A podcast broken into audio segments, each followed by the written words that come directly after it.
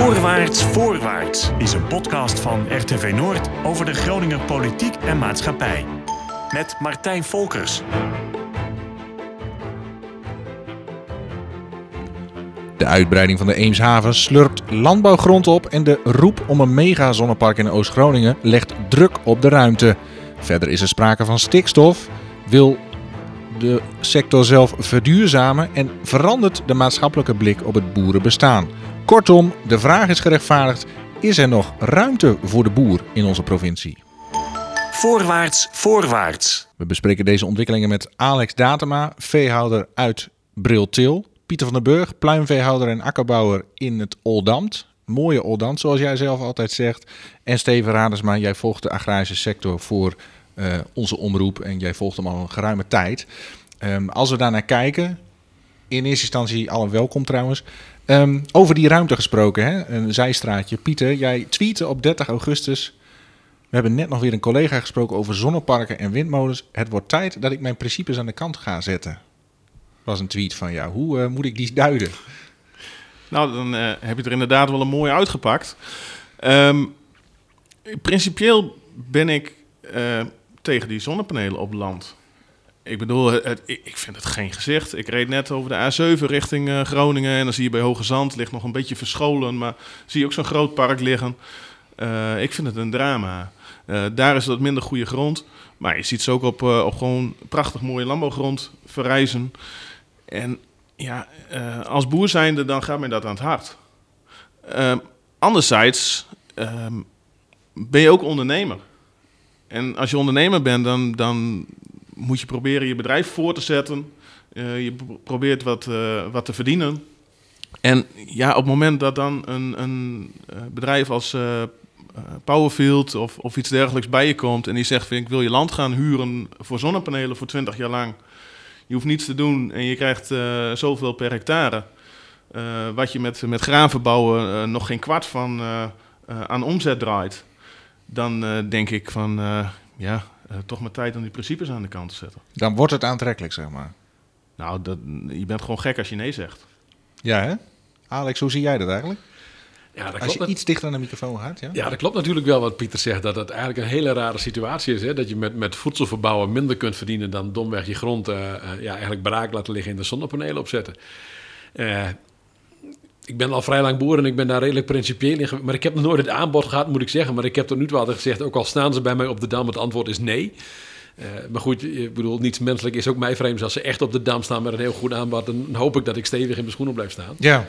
Wij zijn nu wel, zijn op dit moment bezig om, uh, om onze daken te vervangen en daar komen zonnepanelen op. Maar dat vind ik iets anders. Precies. Over op de dam staan gesproken. Nog niet eens zo heel lang geleden kreeg jij onverwacht bezoek. Je hebt er al, al iets over gezegd. Maar dat geeft misschien ook wel aan waarom wij hier nu even met z'n vieren bij elkaar zitten. Hè? De staat van de landbouwsector. Dat was onverwacht, kan ik me voorstellen.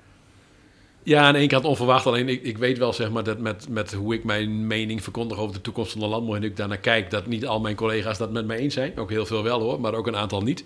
Dus ik krijg er wel eens vaker reacties op. Maar dat ze, dat ze s'avonds op bezoek kwamen om uh, met mij in gesprek te gaan, dat had ik niet op gerekend. Nee, nee, precies. Want dat was een bezoek van boeren die wilden met jou praten over hoe jij dingen ziet. En ja, we zij hebben, zien dingen anders. Ja, we hebben gewoon verschil van visie op de toekomst van de landbouw. En ik, ik, ik heb gewoon ook met hun wel best een goed gesprek gehad. Maar heb ik toen ook gezegd, hè, van tegen die tijd, wij, wij, delen de zorgen over de toekomst van de landbouw. Ik heb net dezelfde zorgen die zij hebben, heb ik ook.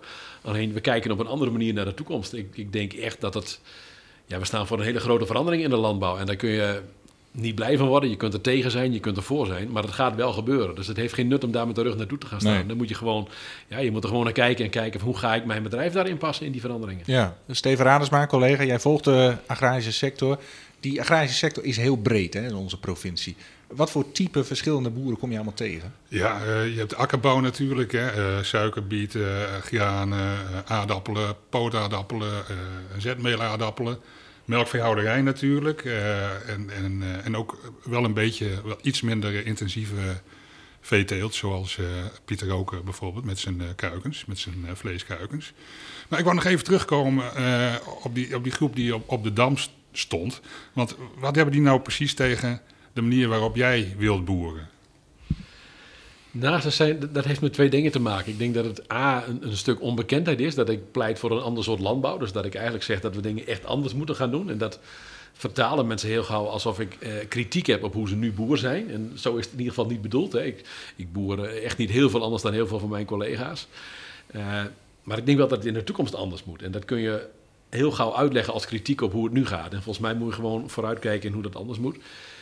Ja, in mijn beeld zeg maar, van de landbouw gaan we, gaan we toch, uh, moet je gewoon reëel zijn. En die dingen die de maatschappij nu van ons vraagt, als dat gaat over landbouw, dat is niet meer alleen voedsel, maar dat is ook een mooi landschap. Dat is een bijdrage aan klimaat. Dat gaat over biodiversiteit. Ja, ik vind dat de maatschappij daar ook voor moet betalen. Nou, dat gaat dan, en in mijn ogen moet dat via een geldstroom van de overheid.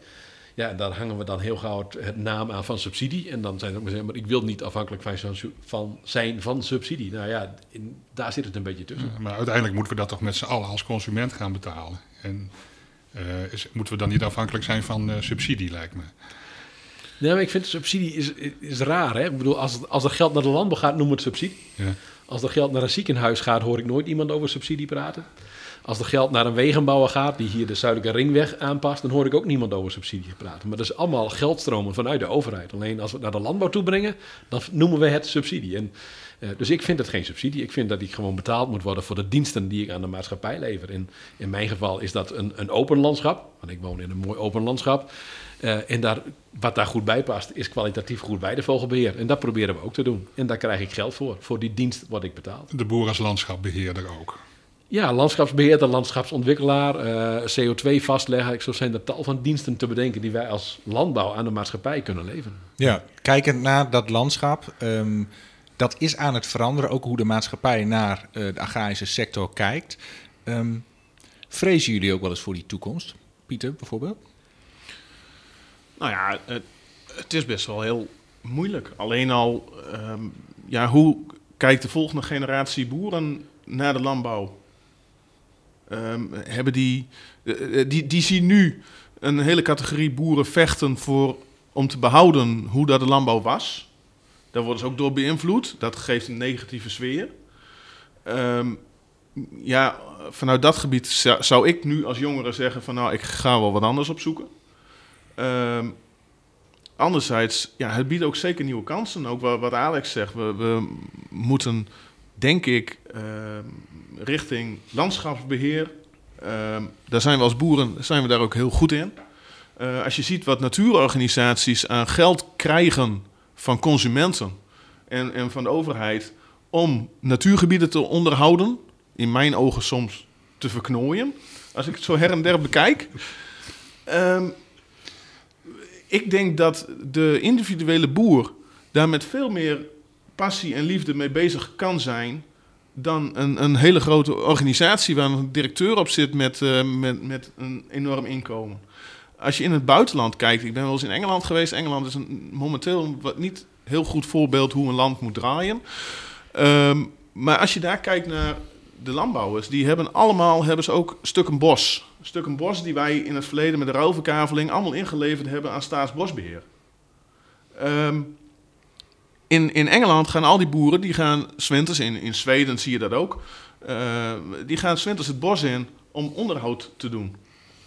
Um, wat gebeurt hier in Nederland? Staatsbosbeheer, die gaat één keer in de zoveel tijd gaan ze in een bepaald gebied, want er zijn die machines zijn daar. Dan kappen ze alle bosjes kaal. Ze voeren het hout af. En als je nu, dat is vorig jaar dus bij ons in de, in de, in de buurt gebeurd. Nou, de reeën die, die hadden geen enkele schuilplaats meer. Die, die, uh, je zag hele nieuwe reeënsporen in het land. Maar dan speel ik even advocaat van de duivel. Als een boer een stuk land heeft waarop vooral bomen staan, zullen die bomen dan ook niet op termijn uh, verdwijnen, omdat hij dat dan beter kan gebruiken op een andere manier? Nou, als die bestemming bos is, die, moeten dan op vast liggen. Nou ja, ik, ik noem maar even een voorbeeld. Ook niet iedere boer zal daarop zitten te wachten om dat beheer te hebben. Het gaat mij, en, en we zijn in Nederland zijn we dat ook afgeleerd als boeren. Het gaat mij een beetje om het voorbeeld hoe dat het in, in Engeland en, en ook in andere landen gaat. Uh, al die hectares liggen gewoon onder die boerderijen. Uh, dat wordt allemaal door boeren beheerd. Die weten wat er speelt. Die, die zien het. Uh, ja, ik zie daar echt wel voordelen in. Alleen dat kun je niet van vandaag of morgen in Nederland in één keer omgooien. Want daar zijn wij als, als agrariërs ook echt niet op voorbereid. Wat is daarvoor nodig, vind jij? Tijd. En een stukje scholing misschien ook nog, van kennis van, van andere type landschappen dan je boerenlandschap? Ja, ik denk dat de meeste boeren... Kijk, je wordt boer, dan moet je sowieso al gevoel hebben met de natuur. Zeker. En ehm, wat je nu momenteel ziet, is dat eh, beleid zorgt ervoor dat boeren schaalvergroting doen.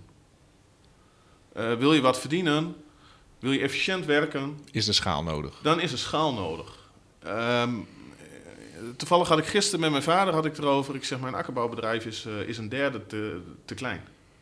Of tenminste, ik moet twee derde erbij hebben. Wil ik meegaan in eh, mechanisatie en dergelijke? Twee derde erbij. Om een beetje fatsoenlijk rendement uit machines te halen, zou dat moeten. Je schetst het dilemma van de boer. Hè? En we hebben al, jullie hebben ook te maken met de Rijksoverheid als beleidsmakers, het provinciebestuur als beleidsmakers. Ik vroeg ook aan gedeputeerde Henk Staghouwer van, heeft die boer toekomst? En zo ja, hoe ziet die toekomst eruit? Er is nu al een, eh, flinke eh, verandering in de landbouw gaande. Eh, het moet verduurzaamd worden. Andere manier van produceren, maar ook kringlopen. Korte ketens, dat zijn allemaal bewegingen die de afgelopen jaren in gang gezet zijn. Denk ook even naar regio deal natuur inclusieve landbouw. Nou, dat, dat neemt zijn eigen dynamiek met zich mee. En als je kijkt dat wij hier al een aantal jaren inspelen, inspelen op die actualiteit, denk ik dat wij eh, hier in Groningen in staat zijn om ook weerbaar te zijn voor de toekomst. Een deel van de boer eh, vindt dat misschien lastig, eh, die verandering en met name de nadruk op verduurzaming van de landbouwsector. Ehm, kan een boer gewoon niet doorgaan op de weg zoals hij doet?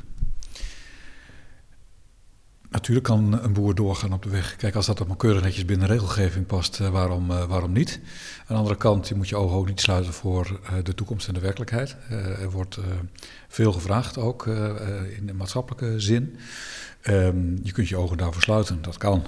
Maar goed, aan de andere kant, als je kijkt naar de toekomst en de mogelijkheden die ook die toekomst biedt, dan zou ik toch ten sterkste aanraden om vooral ook even ja, buiten je scope te kijken. Daarnaast zijn er allerlei allerhande ontwikkelingen gaande. De Eemshaven wordt uitgebreid. Dat gaat ten koste van vruchtbare landbouwgrond, zegt LTO Noord. Eh, in het Oldamt eh, gaan eh, ontwikkelaars van zonneparken gaan de hele regio door op zoek naar akkers waar ze die dingen kunnen plaatsen. Ehm, is dat geen gevaar, dat gevecht om de ruimte? Ja, zeker is dat een gevaar. En dat is ook de zorg die ik natuurlijk heb als landbouwgedeputeerde. Eh, want hoe zorgen we er nou voor dat er zoveel mogelijk ook primaire productie nog kan plaatsvinden om eh, die bedrijven die ik u zo net noemde, om die ook van voldoende eh, materiaal, basismateriaal te voorzien.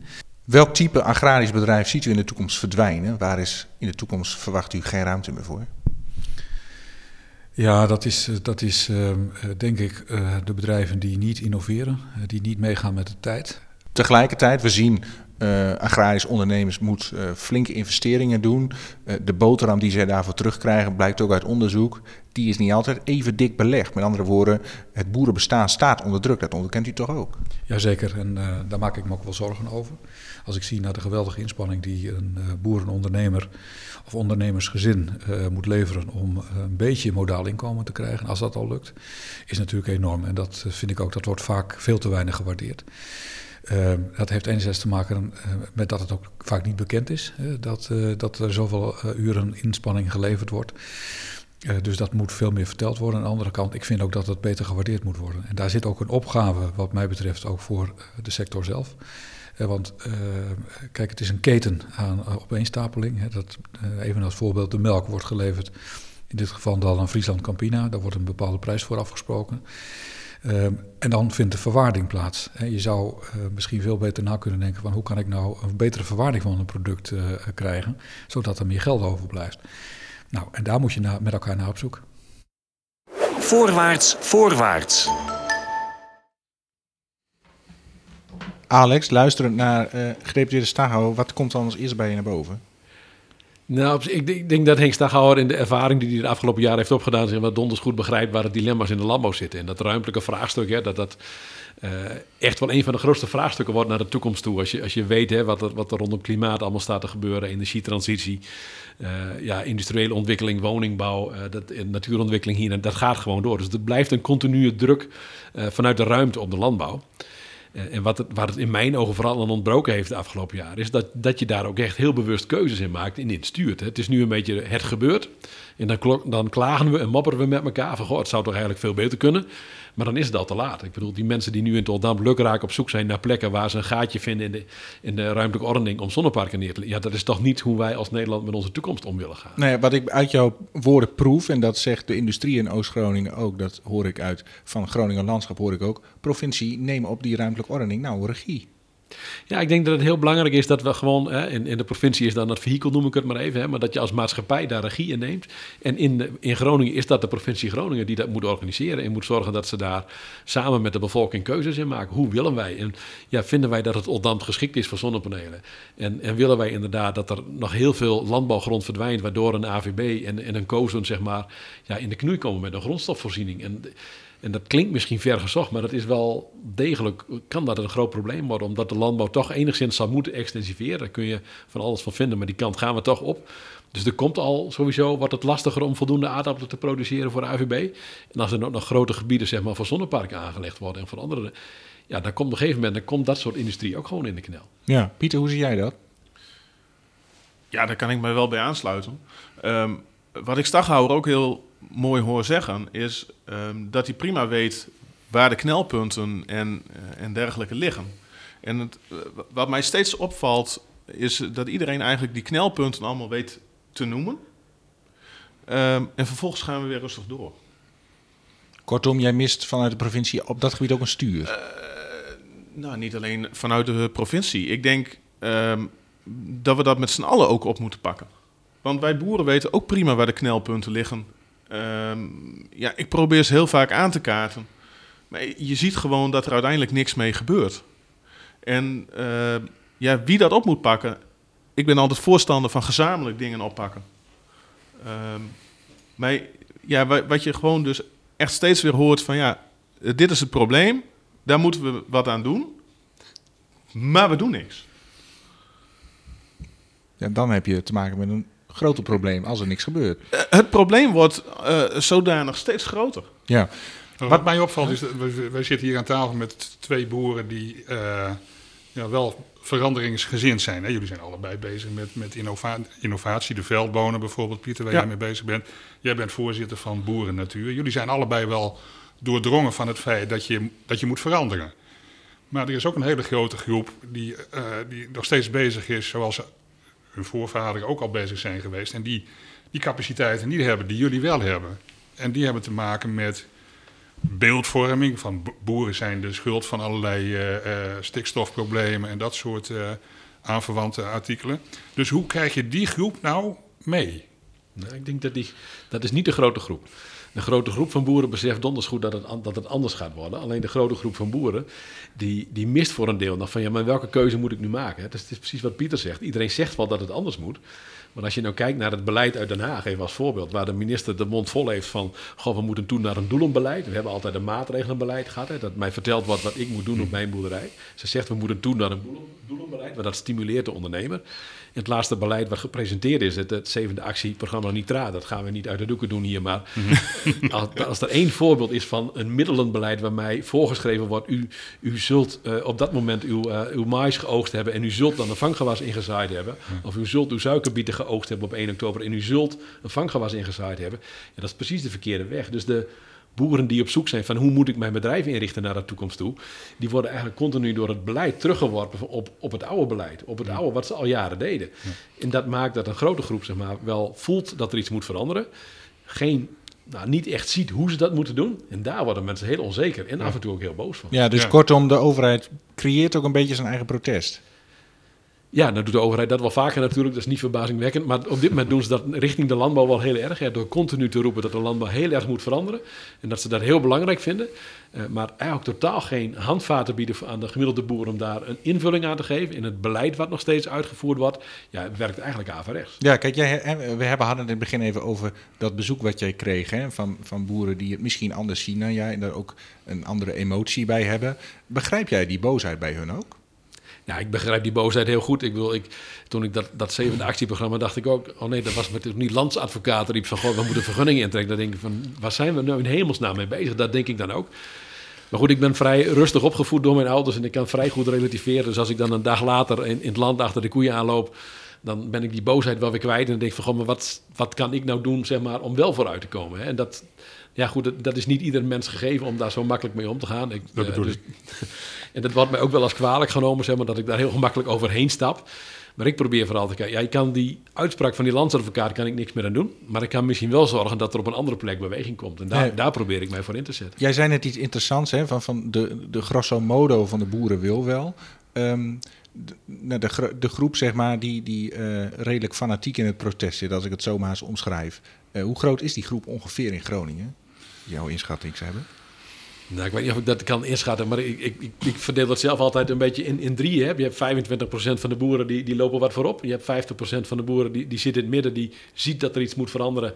En die, die is worstelend van hoe ga ik dat doen. En dan, is dat, dan blijft er 25% over die echt een beetje de hakken in het zand zet. En, uh, en denkt dat de beste manier zeg maar, om, hun, om je belangen te behartigen is gewoon vast te houden aan wat we altijd gedaan hebben. Ja, Pieter, nou ben jij uh, zoals gezegd uh, akkerbouwer en je hebt een pluimveebedrijf. Um, wat heb jij nodig? want jij, wil, jij geeft hier aan van ik wil wel veranderen, je hebt, maar je hebt ook iets nodig van de overheid of het Rijk of de provincie daarin, kan ik me zo voorstellen. Wat heb jij nodig om die verandering te doen laten slagen? Um, nou, eerst alle regels die tegenwerken afschaffen. En wat zijn dan regels die tegenwerken? nou, um, ja, Alex gaf net ook al aan een stukje kalenderlandbouw. Er komen nu nog, nog meer uh, data's bij van, waar ik gelukkig geen last mee heb, omdat ik op, uh, grotendeels op kleigrond zit. Maar om een voorbeeldje te noemen, um, ik moet zoveel procent groenbemester zaaien om aan de vergroeningseisen te voldoen. Dan zijn de boeren elders in het land die zeggen dan doe je een onrendabel stukje grond uh, wat anders inzaaien, want zo en zo. Nou, dan kan ik al mijn grond dus wat anders inzaaien. Want de beste percelen van Nederland heb ik niet. Daar leggen ze zonnepanelen op. Um, ik moet dus in een gebied. Mijn, mijn grond is dus tien maanden in een jaar groen. Laat ik zo zeggen, tien maanden in een jaar begroeid. En ik moet dus in die twee maanden dat het niet begroeid is, dan ligt er dus ongeveer twee weken stro op. En dan heb ik nog zeg maar, zes weken over dat er een groenbemester moet staan, maar die moet acht weken op het land staan. En in die zes weken moet ik het dus ook nog zien te zaaien en al dat soort zaken. Vervolgens is dus de consequentie dat ik te laat mijn veldbonen ga zaaien of andere dingen. Uh, andere consequentie is dat ik uh, groenbemester aan het zaaien ben, omdat dat op datum gaat, terwijl ik eigenlijk koolzaad moet zaaien wat ik volgend jaar moet oogsten. Kortom, door dus die regelgeving wordt jij bekneld, zeg je. Uh, exact. Um, een andere punt, ander punt. Uh, we willen in de kip willen we straks allemaal naar scharrel. Um, de één ster kip. Dan moet ik uitlopen bouwen. Um, gemeentes zijn daar momenteel nog niet happig op. En waar zit hem dat in? uitbreiding van stalruimte. En wil ik het goed doen, dan moet ik eigenlijk mijn complete pluimveestallen platgooien en nieuwe bouwen. Want dan blijft het pas efficiënt. Alleen is financieel totaal niet haalbaar. Uh, met ook nog in het achterhoofd dat ik vijf jaar geleden met een beter leven kip begonnen ben, die men nu alweer een plofkip noemt. Dus vijf jaar geleden hielden wij 22 kuikens per vierkante meter. Dat noemden ze plofkippen. Ik hou er nu 15 op een vierkante meter. Aanzienlijk minder. Dus ik ben aanzienlijk in aantal teruggegaan. Dus ook in opbrengst? Dus de, de meerprijs is er wat naar. Uh, uh, per saldo, per vierkante meter is het gelijk gebleven. Het is stabieler geworden.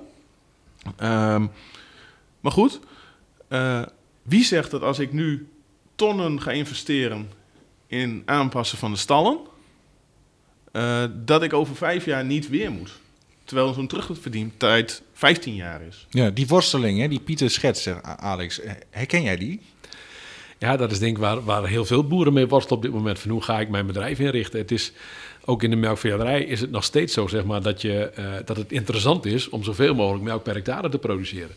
Terwijl iedereen wel aanvoelt dat we eigenlijk de andere kant op moeten bewegen. Dat je moet proberen om wat meer ruimte te creëren voor landschap en biodiversiteit in je bedrijf. Maar als je de boekhoudkundige cijfers naast elkaar legt, dan is het nog steeds interessant om toch meer melk te produceren en maar wat meer krachtvoer aan te kopen. En, en dat beeld, zeg maar, als je. En je moet reëel zijn. Hè? We gaan de economie op wereldschaal niet veranderen. We gaan eh, de Europese Unie niet veranderen. Dus als je een boer een reële kans wil geven, zeg maar, dat hij de afweging kan maken van: goh, ga ik meer koeienmelk of ga ik meer aan natuur doen? Dan zul je aan de natuurkant moeten zorgen dat dat kan concurreren met de melkopbrengst. Ja, En dat is nu niet zo. Even luisteren, nog even terug naar wat, wat Greep en Henk Staaghouder zei. Hè. Hij, hij schetst een ideaal plaatje van ja, die sector moet verduurzamen. In wat, en, en, en, hè. Hij gaf ook in het voorgesprek aan van ja, ik vlieg ook een beetje hoog over. Is dat haalbaar wat hij schetst? Ik denk dat die verduurzaming wel haalbaar is, maar niet helemaal op de manier die, die Henk Staghouwer schetst. Omdat hij zei van het moet vooral toch uit de keten komen. Het moet uit de sector zelf komen. uit de sector zelf komen. Ja. en, daar, en daar geloof ik niet in, om twee redenen. Eh eerste reden is, wij exporteren voor 80% zo'n beetje, hè, grofweg, van wat we in Nederland produceren. En ik zeg altijd even als voorbeeld van, goh, ze gaan in China echt niet meer voor mijn melk betalen omdat ik zuinig ben op de grutto. Ze zullen hooguit vragen van, smaakt zo'n grutto ook een beetje goed? Eh, dus het idee dat het echt uit de markt betaald gaat worden, zodat we de hele Nederlandse landbouw mooier kunnen maken, dat, dat gaat niet gebeuren. En dan, voor een deel moeten we daarop inzetten. Maar als je substantieel wilt dat we als landbouw echt een structurele bijdrage leveren aan landschap en natuur, ja, dan moet dat ook waardevol zijn voor mij. Economisch waardevol, dus ook gewoon betaald worden. Pieter? Nou, als je ziet inderdaad in de melkveehouderij, daar wordt behoorlijk wat geëxporteerd. Als je kijkt naar de vleeskuikenhouderij, dan wordt netto wordt er vrijwel niets geëxporteerd. Er wordt wel geïmporteerd, maar dan komt dan in dat we in Nederland bijna alleen maar filet willen eten. Dus de poten die exporteren we heel veel. Ehm, als wij straks met z'n allen naar één ster kip gaan, dan gaan we aanzienlijk wat kip importeren. En zelfs in die markt wordt er gewoon gezegd: als jullie het hier in Nederland niet voor die prijs willen doen, dan halen we ze uit Polen, uit Oekraïne. En daar kunnen ze ook prima kippen met één ster doen. Want Met- daar is het bouw, de bouwkosten zijn lager, de ruimte is er. Met andere woorden, wij kunnen hier heel idealistisch willen verduurzamen. Misschien is de schaal er wereldwijd nog niet daar. Nou, ik, ik denk wel dat we moeten verduurzamen. Hè? En ik denk ook, je ziet ook prachtige voorbeelden waar dat wel goed... De, de EWR melkstroom, samen met Albert Heijn. Dat is volgens mij een prachtig voorbeeld hoe een, een kleine... Maar dat is een kleine groep boeren, zeg maar, op hun bedrijf... echt geld kan verdienen door anders te boeren. Nou, dat is hartstikke mooi. Daar moeten we hartstikke trots op zijn als sector. Maar dat kan niet voor de, voor de totale melkstroom in Nederland. Dus niet voor de hele melkveehouderij. En willen we toch zeg maar, het, het, het hele landschap in Nederland mooi houden... Ja, dan zul je ook de andere boeren een mogelijkheid moeten geven... om, om dat te kunnen doen op hun bedrijf. En daar, ja, daar hoort dan een betaling bij. Dat is niet anders. Ja. Steven, wil je Ja, geld dus. Ja, geld. Het draait altijd om het geld, hè? Daar gaat het om. Precies. Maar eh, als we nou even terugkomen op de vraag die jij stelde aan het begin, is er nog toekomst voor de boeren in Groningen? Verschilt het nou in Groningen dan ook weer met mm, bijvoorbeeld Brabant? Want in Groningen is toch wezenlijk anders dan eh, ja, Limburg of Brabant. Ja, ik denk, ik denk zelf zeg maar, dat, je, eh, dat de landbouw zeg maar, zich heel veel diverser gaat ontwikkelen de komende 20 jaar dan de afgelopen 30 jaar. Ja, we hebben de afgelopen 30 jaar geprobeerd, maakt niet uit waar je woont, toch zoveel mogelijk te produceren op dezelfde vierkante meter, noem ik dat altijd. Eh, in heel Nederland hetzelfde. En ik denk dat je in de toekomst gaat zien dat het heel erg afhankelijk is van de plek waar je boer bent, hoe je bedrijf zich kan ontwikkelen. En als je in Brabant eh, vlak naast de Peel woont, eh, dan betekent dat een heel andere toekomstperspectief dan dat je in Noord-Groningen vlak onder de Waddenzeedijk woont. Maar dat is nu nog niet zo. Dat is Ja, nu Qua beperkt stikstof zo. wel, maar Qua stikstof wel, dat is nu beperkt zo. Maar dat zal in de toekomst veel eh, enorme invloed hebben. En Ja, als ik je dan even in Groningen kijkt, hè, bij, bij Lieftingsbroek hebben wij ons enige echte Natura 2000 gebied. Ja, dat is natuurlijk, dat voelt denk ik voor heel veel boeren nu echt als een bedreiging. Hè? God, ik zit daar dichtbij en wat betekent dat wel niet? Maar er wordt ook allerlei natuur ontwikkeld. Het is een heel mooi gebied. Ja, je zou dat ook, zeg maar, als het lukt om dat om te draaien naar een kant van... Goh, ik ga niet meer koeien melken, maar minder.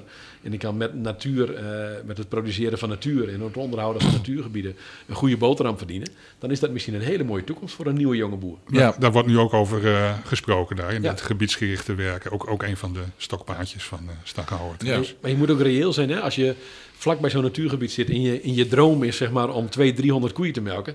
dan moet je afvragen of dat dan wel de juiste plek is. En ik denk dat we dat veel meer moeten gaan doen in de toekomst. Als ik af en toe dan, dan heb je het er inderdaad met collega's ook over. En wat, wat ik heel vaak wil zeggen is dat als je nu in Nederland zit als boer zijnde en je hebt ambitie om een enorm groot bedrijf te hebben, of een- om gewoon een groot bedrijf te hebben en je wilt wat, ga dan naar het buitenland.